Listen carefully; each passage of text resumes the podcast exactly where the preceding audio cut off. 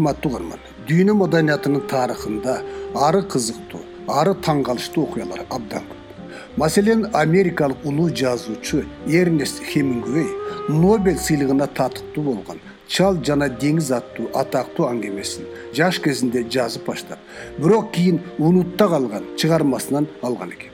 Албетте оңдоп түздөп кайра иштеп чыгып дегендей ошол сыяктуу көрүнүш жыйырманчы кылымдын улуу композиторлорунун бири дмитрий шостаковичтин чыгармачылыгында да болду.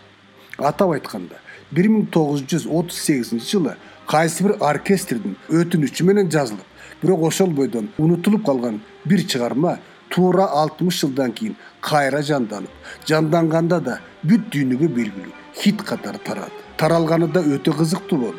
Бул музыка адегенде англиялык кинорежиссер стенли кубриктин бекем жумулган көз менен деген фильминде жаңырды андан соң дүйнөнүн эң эле белгилүү деген оркестрлери чыгарманы дароо илип алып интернеттин дүйнөсүнө аралатышты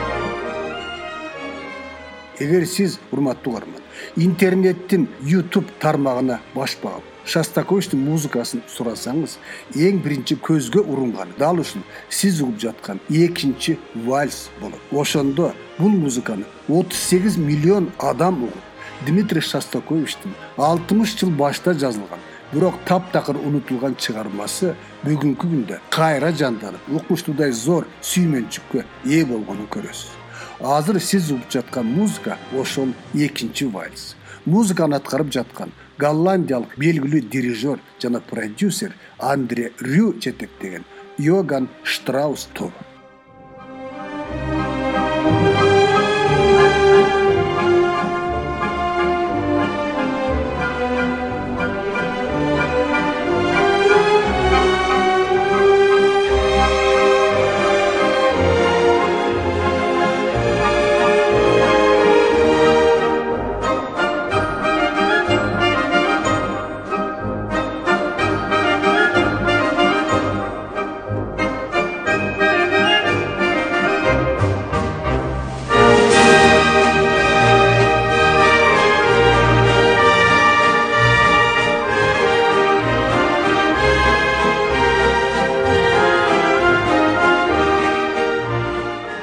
мынча болду бул вальстин жаратуучусу тууралуу да эки ооз сөз айта кетели албетте дмитриевич шостакович улуу композитор.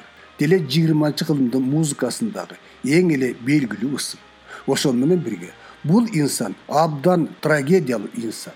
Токетерин айтканда шостакович советтер союзунун баардык ички идеологиялык карама каршылыктарын баштан кечирип көп эле саясий догмаларды эч качан кабыл албай ошону менен бирге ооз жүзүндө сүйлөгөн сөздөрүндө коммунисттик партиянын чечимдерин айласыз колдоп келген композитор эле.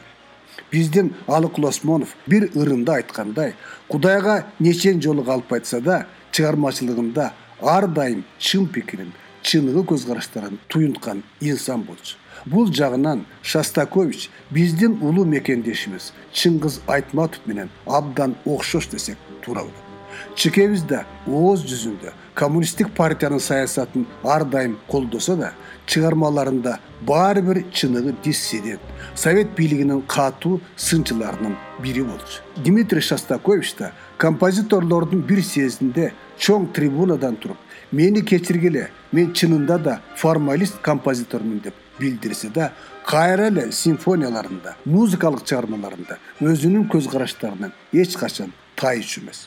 Ошол көз караштарын трагизмге кандайдыр бир түпөйүлдүккө ички санааркоого толгон атактуу симфонияларында чагылдырып кетти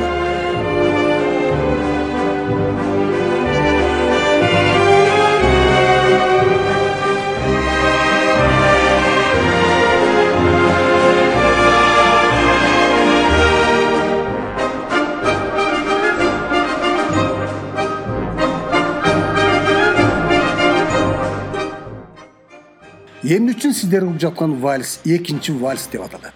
Бул суроого азырынча так жооп жок. Жогоруда айтылгандай бул музыканы композитор вальс катары эмес джаз оркестр үчүн чакан сюита катары заказ менен жазган экен. Ошондогу аты экинчи сюита болуптур бирок алтымыш жылдан кийин шостаковичтин кол жазмаларынын ичинен кокусунан табылган бул чыгарманы голландиялык музыканттар экинчи вальс деп ат коюп оркестрге салгандан кийин бул чыгарма ушул ат менен бүт дүйнөгө тарап кетти ушул тапта бул вальс йоган штраустун атактуу көгүлтүр дунай деген классикалык чыгармасынан кийинки эле эң популярдуу вальс десек жаңылбасак отуз сегиз миллион угуучу интернеттен укту деген сөз оңой сөз эмес го